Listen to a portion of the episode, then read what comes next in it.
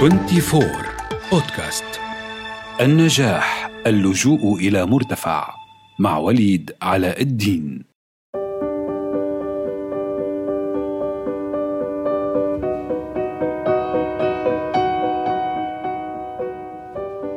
لا تخلو حياة كائن حي من هدف. فما الهدف؟ وكيف نحدده ليكون دافعا للنجاح؟ أهلا بكم في بودكاست النجاح اللجوء إلى مرتفع.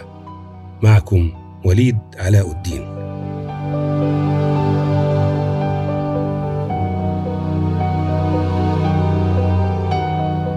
اكتب كلمة هدف في أي من مواقع البحث الإلكترونية. سوف تنهال عليك روابط لمواقع لا حصر لها. كل موقع من زاوية اهتمامه وتخصصه ينظر لهذه المفردة السحرية. ويجتهد في بيان أهميتها ودورها في حياة البشر أفرادا وجماعات ومؤسسات وحكومات بل في حيوات كافة الكائنات الحية إذ لا تخلو حياة كائن حي من هدف. نتيجة لهذا التركيز الشديد قد يتراءى للإنسان أحد أمرين أن الهدف مفهوم معقد يفهمه من أوتي حظا من العلم وإلا ما اجتهد هؤلاء في شرحه وبيان خفاياه. أو في المقابل قد يقود هذا الإفراط في استعمال الكلمة إلى اعتقاد بأن وجود الهدف في حياة الإنسان أمر فطري بدئي من طبائع الأمور. مثل تلك الأشياء التي لكونها طبيعية نتخيل أنه لا داعي للتفكير في أمر وجودها من عدمه. فمثل ما لا يغيب الدم عن جسد الإنسان الحي فإن الهدف كذلك لا يغيب عن حياته. يعني إذا كان سؤال رجل على قيد الحياة هل يوجد في جسدك دم؟ سؤالا لا يمكن استقباله إلا من باب التندر. فإن سؤال هل يوجد في حياتك هدف؟ يصبح كذلك من أبواب السخرية طالما أن وجود الهدف في الحياة أمر فطري وجزء من طبيعة الأشياء. فما هو الهدف بين هذين الأمرين؟ هل هو مفهوم معقد أم أنه طبيعي مثل وجود الدم في الجسد الحي؟ الإجابة في الحقيقة نعم هو مفهوم معقد رغم أنه طبيعي مثل وجود الدم في الجسد الحي. إن سؤال وجود الهدف بالفعل سؤال لا يجوز طرحه أو يبدو طرحه سخيفا لأنه حقا لا يوجد إنسان بلا هدف. وإن لم يعي الإنسان هدفه. ليست هذه الإجابة نتيجة لجريان الهدف من نفوسنا جريان الدماء في العروق لكن لأن من غاب هدفه عن وعيه هو بلا أدنى مجال للمقاومة جزء من خطة نحو هدف لا يعيه ولا يعرفه لشخص آخر يعي هدفه ويعرفه. صحيح كلنا بلا استثناء نتبادل الأدوار في خطط وأهداف بعضنا بعضا. ولكن الفرق مذهل بين أن تعي هدفك وتدير خطتك تجاهه فتتكامل أو تتقاطع أو تتنافر أهدافك مع أهداف الآخرين وبين الا تعي هدفك ولا تدير خطة صوبه فتصبح مجرد جزء من خطط الآخرين نحو أهدافهم.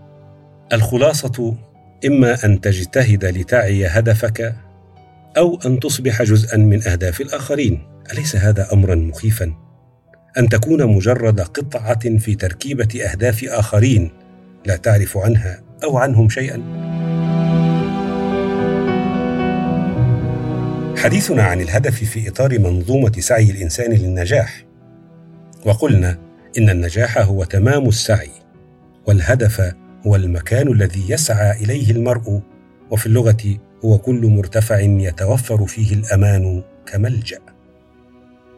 فالنجاح إذن ليس نتيجة إنما هو حالة.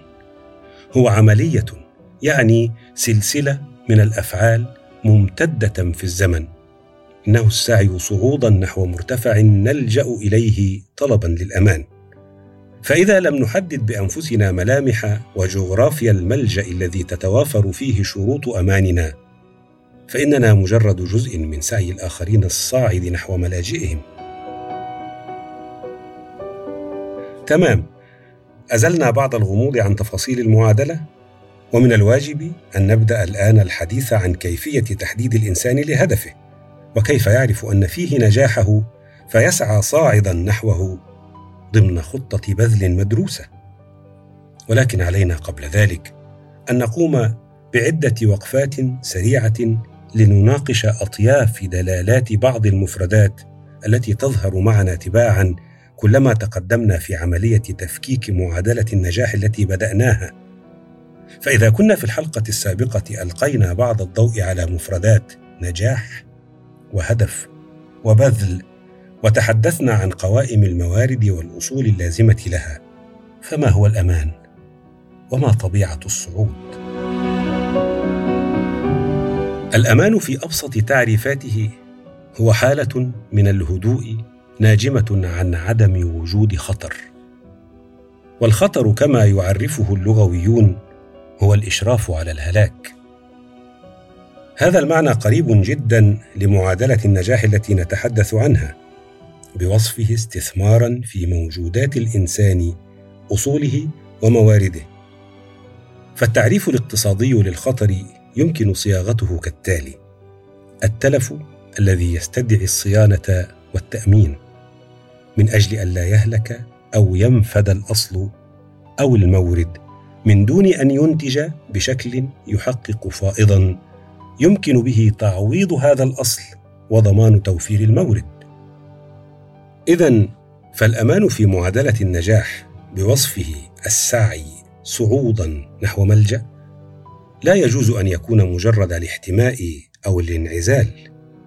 إنه حالة لا تتحقق إلا بالسعي وصولا إلى صيغة جيدة تسمح للإنسان بإدارة أصوله وموجوداته لكي تكون أشد نفعا وعطاء وأكثر مردودا.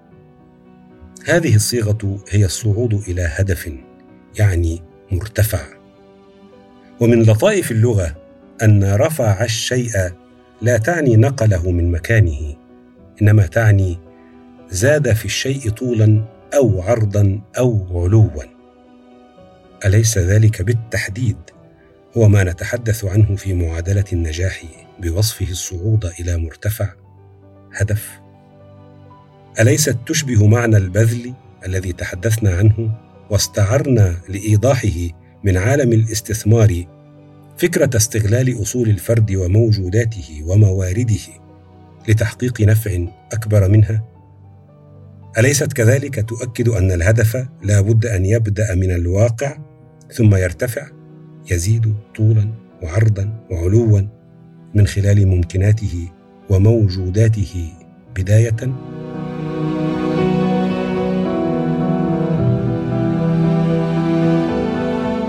الأمان إذن داخل معادلة النجاح ليس استرخاء بلا عمل إنما هو عمل منضبط يمكن معه الاسترخاء للتفكير والتأمل داخل الخطة وللاستمتاع كذلك بالعمل داخل الخطة. هذا هو الأمان بوصفه حافز النجاح.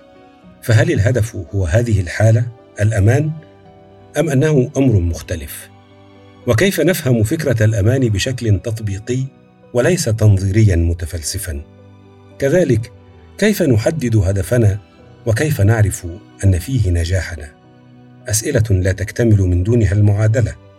لديكم بلا شك إجاباتكم ولدي محاولة إجابة نتشاركها في الحلقة القادمة.